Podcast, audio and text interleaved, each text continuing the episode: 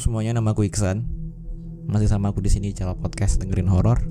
Selamat hari Jumat buat teman-teman di luar sana yang dengerin podcast aku dari segala macam penjuru dari seluruh Indonesia maybe atau kemarin aku lihat ada di Spotify analitik gitu kan ada ada yang dengerin gue dari Korea, Jepang, Arab juga bahkan gitu kan mungkin mungkin yang dengerin aku di sana mungkin seorang ini ya kayak pelajar atau TKI maybe tenaga kerja Indonesia kan.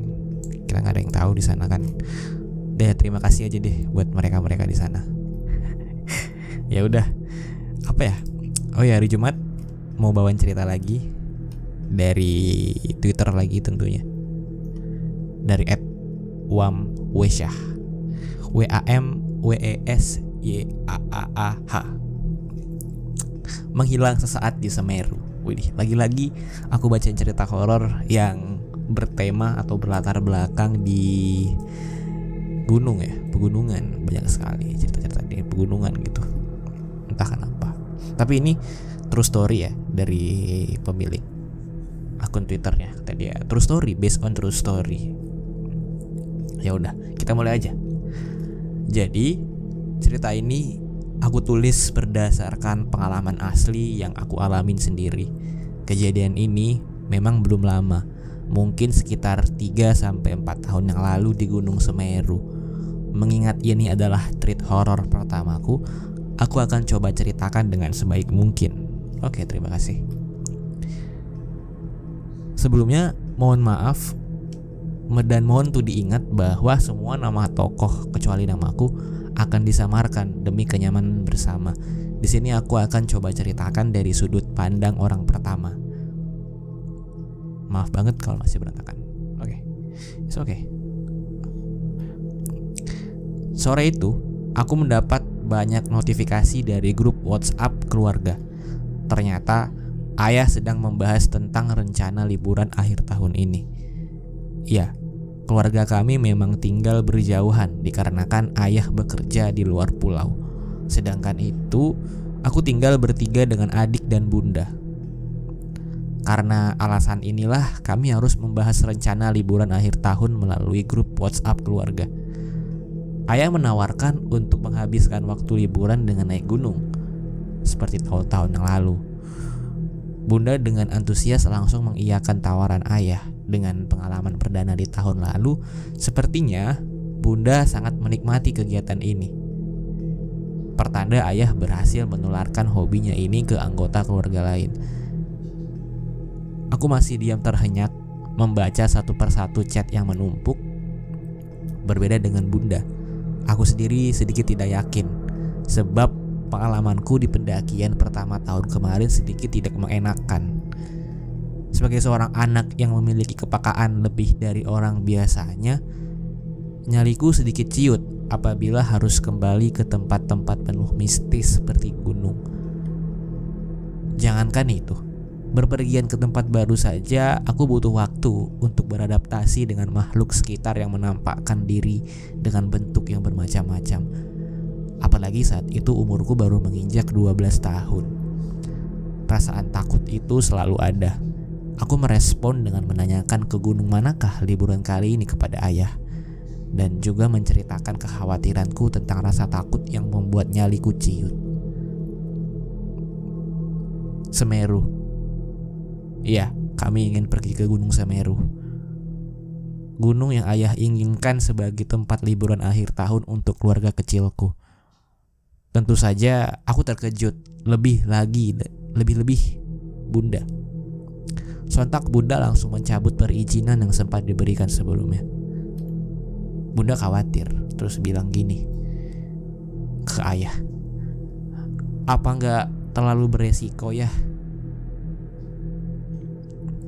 Apa nggak bahaya buat Bila? Kemarin di laut aja kayak gitu. Belum lagi kita harus bawa Rio yang masih kecil protes bunda kembali. Oh berarti uh, tahun kemarin mereka ini pergi ke Gunung Lau yang mana si Bila atau yang pembuat tweet ini sudah mengalami hal yang aneh gitu, hal-hal yang ganjal, hal yang janggal di Gunung Lawu kemarin. Makanya si bundanya bilang apa nggak bahaya buat Bila. Dan kita juga harus bawa Rio yang masih kecil, anaknya mungkin ya. Dan seperti yang kalian tebak, namaku adalah Bila. Sedangkan Rio adalah adik aku. Si bungsu yang usianya belum genap 10 tahun. Responku yang tak jauh beda dari bunda, malahan aku lebih memprotes ayah. Gimana kalau sampai ada apa-apa? Aku gak mau ah, aku takut. Aku juga meminta ayah untuk mengganti tempat tujuan karena aku rasa Semeru masih terlalu berat untukku yang masih memiliki gangguan syaraf di kaki. Tapi ayah selalu mempunyai alasan-alasan lain yang menguatkan kami untuk tetap berangkat ke sana. Seperti tenang, kita nanti jalan santai aja, gak sampai puncak pun, gak apa-apa. Karena puncak bukan tujuan utama. Kita kan pasukan kura-kura. Toh kita bawa Mas Damar yang paham medis. Buat Bila kan ada ayah, jadi tenang saja. Insya Allah aman. Begitu cara ayah meyakinkan kami semua. Ayah memegang kendali penuh atas aku, sebab ayah satu-satunya pawang ketika aku diganggu oleh makhluk-makhluk tak kasat mata, dan aku percaya penuh kepadanya. Kami akhirnya menyerah dan mengiyakan Semeru sebagai tujuan liburan kami kali ini. Tentunya dengan sikap tetap waspada dengan menyiapkan fisik dan mental sebaik mungkin untuk menghindari hal-hal yang tidak-tidak terjadi. Ayah juga memberikan syarat untukku dan Rio agar melakukan exercise atau latihan minimal dengan lari 1 km per hari selama 3 bulan. Kalaupun harus bertarung dengan alam, setidaknya ada perlawanan. Begitu kata ayah. Hamin satu, kami di salah satu homestay yang tak jauh dari titik awal pendakian untuk proses aklim, aklimatisasi ber, berkoordinasi dengan guide. Guide itu kayak hmm, pengarah ya. Berker, ber, mereka berkoordinasi dengan guide serta mengecek kembali perlengkapan yang akan dibawa. Kami berempat tiba lebih awal di sana menyusul dua orang saudara yang biasa kupanggil Tante Mira dan Mas Damar yang tinggal di Jakarta. Berarti mereka ada lima orang di sini ya. Eh enggak, ada enam. Kami berempat tiba lebih awal di sana dan menyusul dua orang saudara yang biasa aku panggil Tante Mira dan Mas Damar, enam orang. Malamnya datang Mas Abim bersama tiga orang lain yang akhirnya aku kenal sebagai Mas Akbar, Mas Rama dan Mas Heri. Rame nih, Mas Abim, Mas Akbar, Mas Rama dan Mas Heri. Mereka bertiga adalah guide atau guide sekaligus supporter yang nantinya menemani kami bertujuh selama pendakian. Hmm. Hari yang kami semua nanti-nantikan pun tiba estimasi normal ditempuh dalam waktu sekitar 7 jam untuk Ranupani ke Ranukumbolo. Tepat pukul 11.30 perjalanan kami dimulai. Memasuki tanjakan selamat datang gerimis mengguyur. Oh, memasuki tanjakan selamat datang, gerimis pun mengguyur kami. Ada ya namanya? Tanjakan selamat datang mungkin ya di sana. Sampai di pos 1, hujan semakin lebat, menghalangi pandangan. Perjalanan semakin berat, perasaan tidak enak pun kembali muncul, seperti ada yang mengganjal rasanya. Aku terus mencoba menepis pikiran-pikiran negatif yang terus bermunculan di kepala. Lau yang mistisnya sangat kuat saja aku nggak apa-apa. Apalagi hanya Semeru, pikirku. Sempat terbesit kataku seperti itu. Aku membatin dalam hati, membatin supaya tenang aja lebih tenang gitu Niatku memang hanya untuk menguatkan diri agar tidak takut dan fokus perjalanan. Sayangnya, aku sama sekali tidak menyadari ada sedikit kesombongan dari kalimat itu yang membuat semua petaka ini bermula. Sombong dari mana nih? Oh iya, kayaknya iya sih. Apalagi hanya Semeru, itu itu sombong. Lepas dari pos 1, hujan masih mengguyur sangat lebat. Kami berjalan dengan pelan, sedikit-sedikit berhenti untuk beristirahat, persis seperti pasukan kura-kura. Begitulah Tante Mira menyebutnya. Trek yang relatif landai sama sekali tidak membantu sebab hujan sudah lebih dahulu meluluh lantakkan semangat kami hingga habis tak bersisa. Rio, adikku, si gembul ini merupakan hiburan kami yang biasa ramai berceloteh sepanjang trek pun tampak lemas lesu tak bersuara. Di perjalanan menuju pos 3, aku kembali terusik dengan keadaan sekitar. Beberapa kali aku melihat sekelebat bayangan hitam di seberang. Sepertinya mereka, dalam tanda kutip, sadar akan kehadiranku. Mencoba menampakkan dirinya dengan bayangan serta suara bising yang masuk ke telinga. Hawa dingin yang membuat menggigil benar-benar melengkapi perjalanan kali ini. Jarak pandang yang terbatas pun membuatku sedikit kesulitan berjalan. Tak jauh di depan ada sebuah jembatan yang sangat menarik perhatianku. Mataku seakan tak bisa lepas untuk terus menatapnya. Bagai ada kurang, bagai ada aura yang kuat yang memancingku untuk segera datang ke sana. Ada jembatan yang sangat menarik perhatian si Bila yang auranya tuh kuat banget dan dan dia sangat terpancing akan hal itu supaya datang ke sana. Rio yang sudah sampai lebih dulu dengan Mas Abim tampak terus menyemangati aku yang tertinggal. Kayak gini Rio ngomongnya sambil nyemangatin aku. Kak, kakak cepetan, cepetan ke sini. Ada jembatan keren warna merah loh. Begitu seru Rio, adikku. Ia berteriak keras melawan suara hujan, sedangkan aku hanya mengangguk dan mendengus pelan. Sesampainya di atas jembatan merah, Bunda dan Tante Mira meminta waktu untuk beristirahat sebentar. Melihat pemandangan begitu alibinya. Padahal ada yang bisa dilihat karena sedang hujan deras kan. Jadi pandanganku melirik ke sana kemari mencoba mengenali tempat yang menarikku kuat untuk segera datang ke sini. Aku menerawang jauh ke samping kanan, kiri dan bawah jembatan yang tembus langsung dengan jurang. Dan menariknya, ada banyak sekali makhluk yang kulihat di bawah sana. Mulai dari yang berbentuk menyerupai manusia, seperti wanita dan anak kecil yang berlarian, hingga bentuk yang menyeramkan seperti poci atau pocong, mbak K, mbak kuntilanak, dan buto, dan lain-lain. Banyak pokoknya. Pandanganku terus mengarah ke bawah jembatan, sangat ramai seperti halayak manusia yang sedang berkumpul. Aku bergidik antara geli dan takut. Kami memutuskan untuk melanjutkan perjalanan mengingat waktu yang terbatas kami juga tidak dianjurkan untuk berhenti lama atau hipotermia akan menghampiri kami.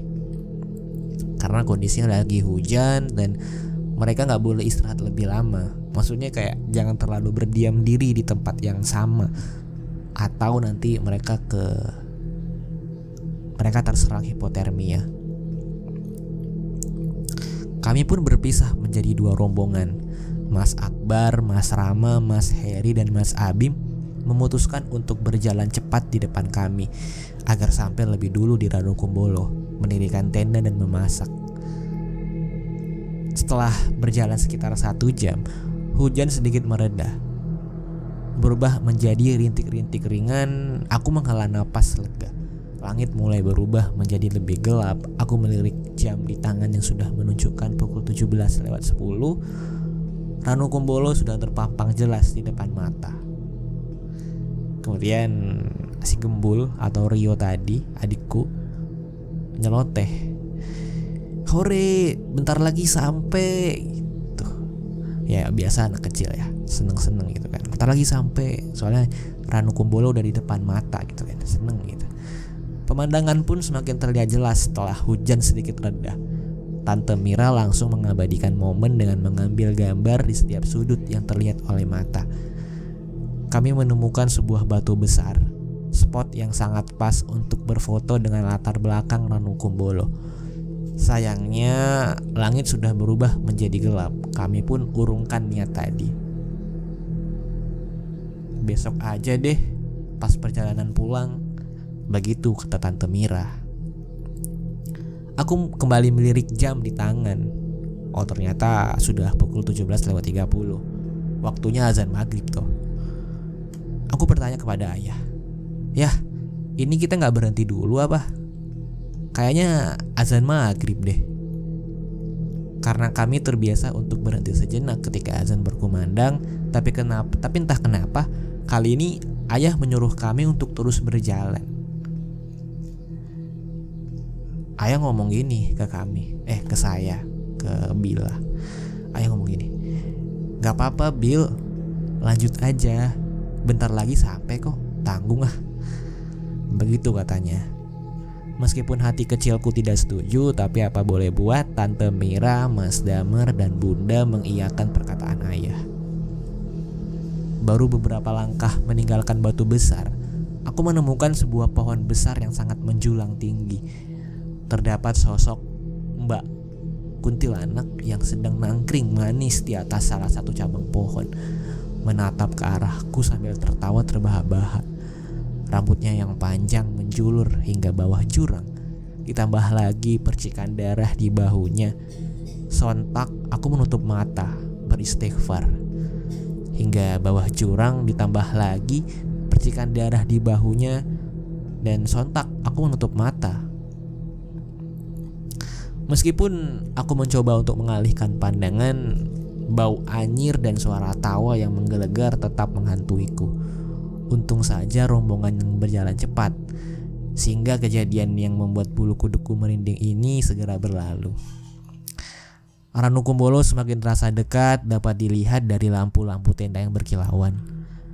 Rio sudah tidak sudah sangat tidak sabar. Ayo cepat, aku lapar. Begitu protesnya sambil menggerutu. Duh Rio, Rio, bukan kamu saja yang ingin segera sampai batinku. Jalanan menjadi semakin sempit. Trek yang kami lalui berubah menjadi jalan setapak yang hanya bisa dilewati oleh satu orang dan satu arah.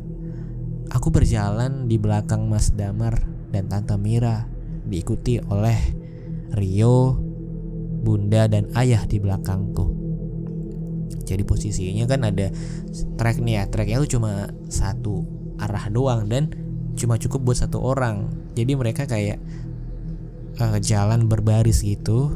Jadi posisinya mm, Mas Damar Tante Mira aku atau Bila terus yang ketiga Rio Bunda dan Ayah di belakangku. Itu satu baris gitu kan karena jalan setapak dan bisa dilewati oleh satu orang aja jadi sebaris gitu. Mendadak headlamp yang aku bawa tidak bisa menyala. Entah kenapa padahal baru saja diisi dengan baterai baru. Semalam ketika pengecekan juga tidak ada masalah. Akhirnya aku hanya menunduk mengikuti arah langkah Tante Mira sambil melihat samar-samar dari cahaya headlampnya. Dari arah depan, aku melihat seorang pendaki yang berdiri dengan arah berlawanan seakan menutup jalan kami. Memang masih ada space antara Mas Damar dan pendaki itu. Dan masih cukup jauh sih. Mungkin ketika rombongan kami mendekat, ia akan minggir sejenak dan berjalan bergantian pikirku. Ternyata dugaanku salah besar. Belum selesai aku berkata demikian dalam hati, pendaki tersebut tiba-tiba berlari ke arah rombongan kami. Bagaimana aku bisa menyebutnya sebagai seorang pendaki? Begini, ia memakai dia ia memakai pakaian yang biasa digunakan oleh pendaki. Mas-mas tersebut juga tampak membawa carrier yang menjulang di punggungnya. Bedanya ia tidak membawa alat penerangan sama sekali. Ya kayak bingung aja gitu kan. Aku bingung. Aku bingung. Bila bingung. Dia nggak membawa alat penerangan tapi kayak kelihatannya memang sebagai seperti pendaki-pendaki yang biasanya bawa carrier terus pakaian-pakaian digunakan oleh pendaki tapi anehnya dia tidak membawa penerangan aku kaget dong aku sangat terkejut ketika ia berlari ke arah kami Bibirku seperti terkatup rapat, tidak bisa berbicara, hanya pandanganku yang terus menatap ke sana.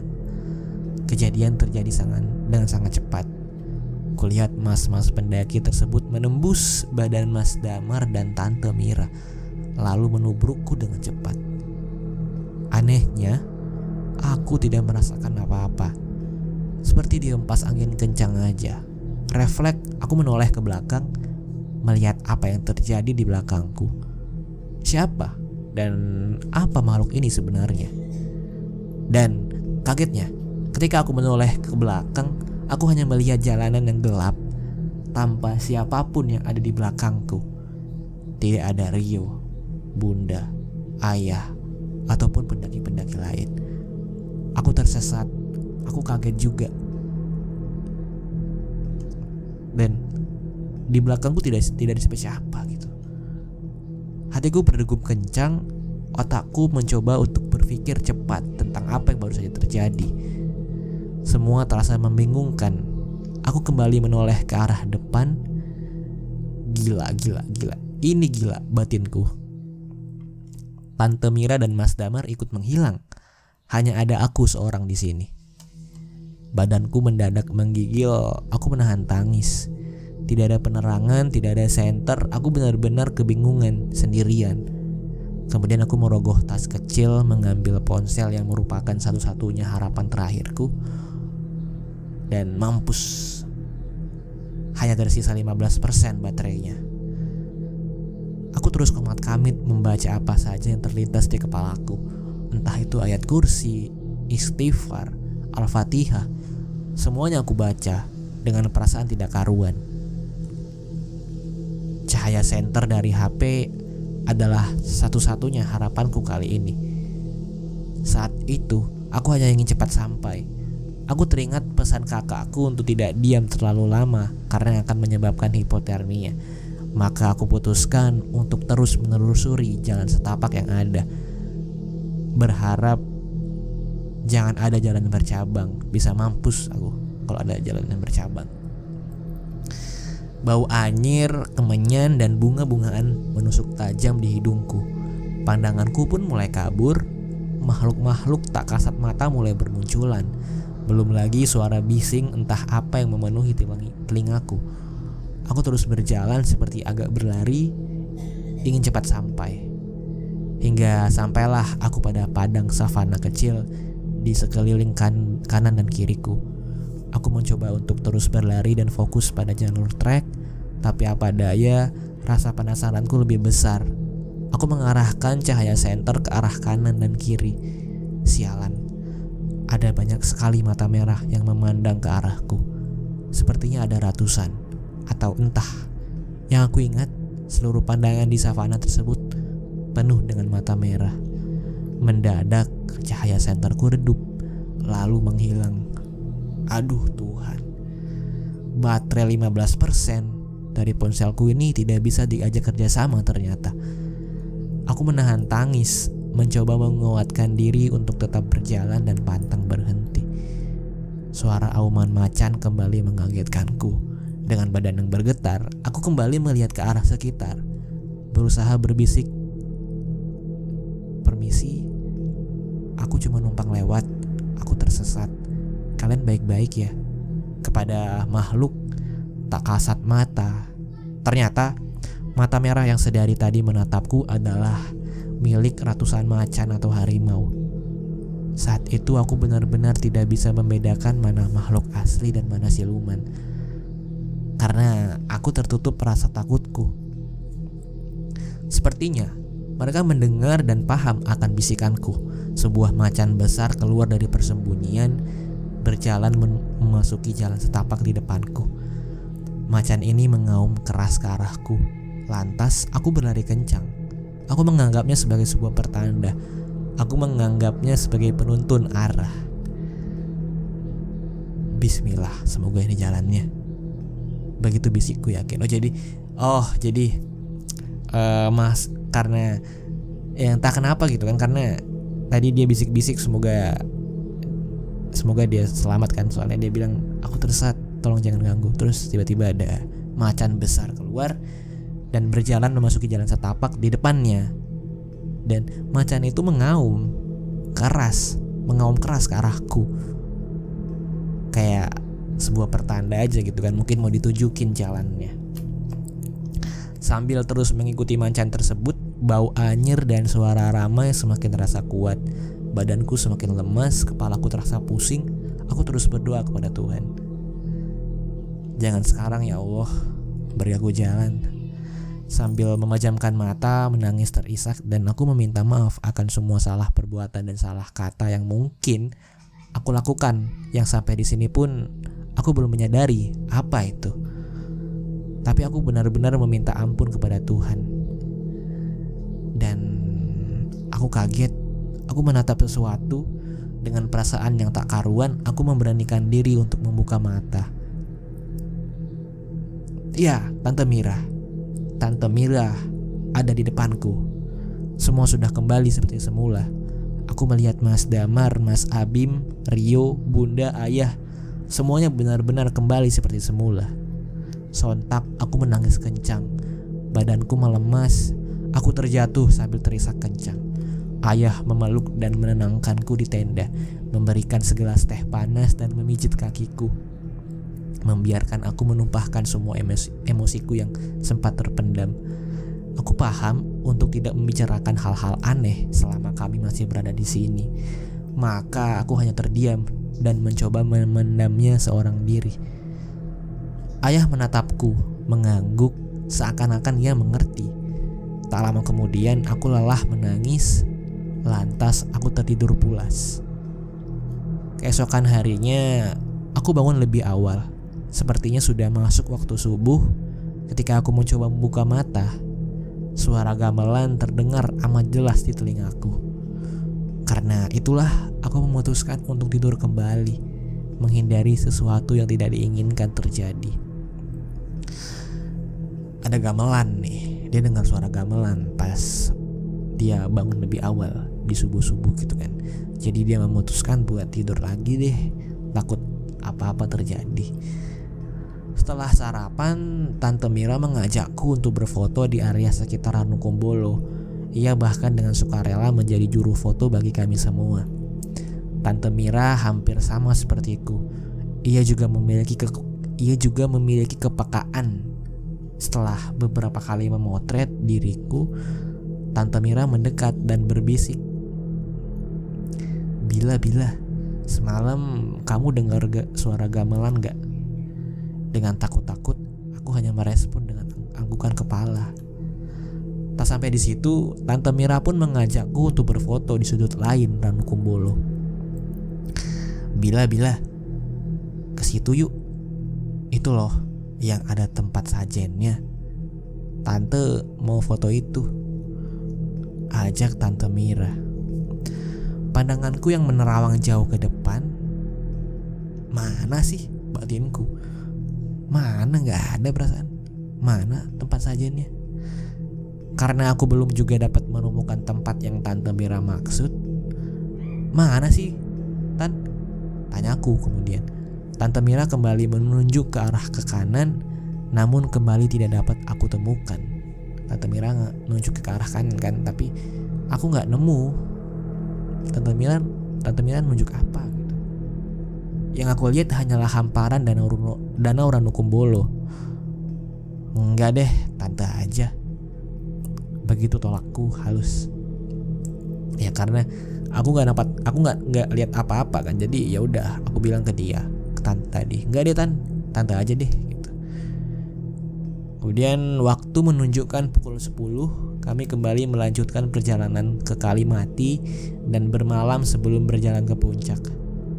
Di perjalanan aku terus berpikir dan dan mengintrospeksi diri. Apa ya yang sekiranya aku lakukan atau aku katakan ketika sebelum-sebelumnya hingga berakibat fatal seperti ini. Aku masih juga belum menemukannya. Tapi satu yang aku pelajari, aku akan lebih berhati-hati untuk berkata maupun bersikap. Hujan kembali mengguyur basah jalanan Semeru. Kami berhenti sejenak untuk makan, istirahat, dan sholat. Ketika sholat, dalam posisi bersujud, kalimat lau yang mistisnya sangat kuat saja, aku tidak apa-apa, apalagi hanya Semeru. Aku sontak istighfar dan minta ampun dalam doa. Aku menyadari betapa tak pantasnya aku berucap demikian. Sungguh, aku benar-benar menyadari itu. Dan benar saja, semuanya terasa lebih mudah setelah aku menyadari kesalahanku. Seperti rasa lelah yang mendadak menghilang hingga dimudahkannya aku mencapai puncak tinggi Mahameru yang sebelumnya tidak pernah bahkan sama sekali tidak terbayang. Semua terasa dimudahkan bahkan makhluk-makhluk tak kasat mata yang aku lihat tak lagi mengganggu. Terkesan acuh tak acuh dengan kehadiranku bahkan ketika kembali di Danu Kumbolo aku bisa melihat tempat sajen yang dimaksudkan Tante Mira kemarin. Oh berarti si Bila ini dia nggak nggak bisa lihat sajen tempat sajen kemarin karena ditutupin gitu sama makhluk di sana kan. Dan dan semenjak dia paham apa yang dia bilang sebelum sebelumnya dia kayak salah apa nih gitu kan kayak paham kan apa yang dia perla apa yang dia lakukan sebelumnya sehingga orang-orang di sana kayak marah gitu dan dia akhirnya kayak lebih mudah terus dia bisa melihat tempat sajen yang ditunjuk kakaknya kemarin atau tantenya kemarin. Dan rata-rata makhluk yang aku temui adalah makhluk halus yang good looking, wangi, dan tidak dalam keadaan rusak, menyeramkan, dan tidak bau anyir. Sungguh menjaga adab, perilaku, dan perkataan memang benar adanya di mana pun kita berada terlebih lagi di alam lepas seperti ini. Semuanya adalah milik dan kuasa dari Tuhan semesta alam. Setelah turun dari Semeru, ayah bercerita bahwa ketika aku sempat menghilang, itu yang aku lihat, yang ayah lihat, aku mendadak linglung, menoleh kanan dan kiri seakan ketakutan, lalu berlari kencang meninggalkan rombongan yang bahkan tidak dapat dikejar dan diingatkan oleh rombongan. Anjir gue merinding. Jadi ayahnya bercerita kan pas pas si Bila ini menghilang ternyata ayahnya ini lihat si Bila ini kayak linglung lihat kanan kiri kayak ketakutan gitu. Terus tiba-tiba berlari kencang meninggalkan rombongan-rombongannya yang bahkan ayahnya juga tidak bisa kejar men gue gue merinding oh ya mungkin salah satu penyebabnya adalah aku sering swiring dan mengumpat seperti mengucap shit, sialan, fuck ketika menemui kondisi yang tidak aku inginkan. Baiknya kalimat tersebut tidak diucapkan dalam keadaan seperti ini. Pesan moral yang dapat aku sampaikan atas kejadian yang pernah menimpaku kali ini adalah ya kita buat jaga adab kesopanan di mana pun kalian berada. Sekian yang dapat aku ceritakan. Maaf jika masih banyak yang berantakan. Oke, okay, thank you Bila buat buat ceritanya. Ceritanya dapat dan maknanya juga dapat. Kita agar tidak bisa atau bukan bukan kita agar kita e, menjaga adab dan sopan santun di mana pun kita berada, bahkan di alam liar sekalipun. Oke, aku Iksan. Sampai jumpa lagi di episode berikutnya. Terima kasih sudah mendengarkan sampai habis. Selamat tinggal.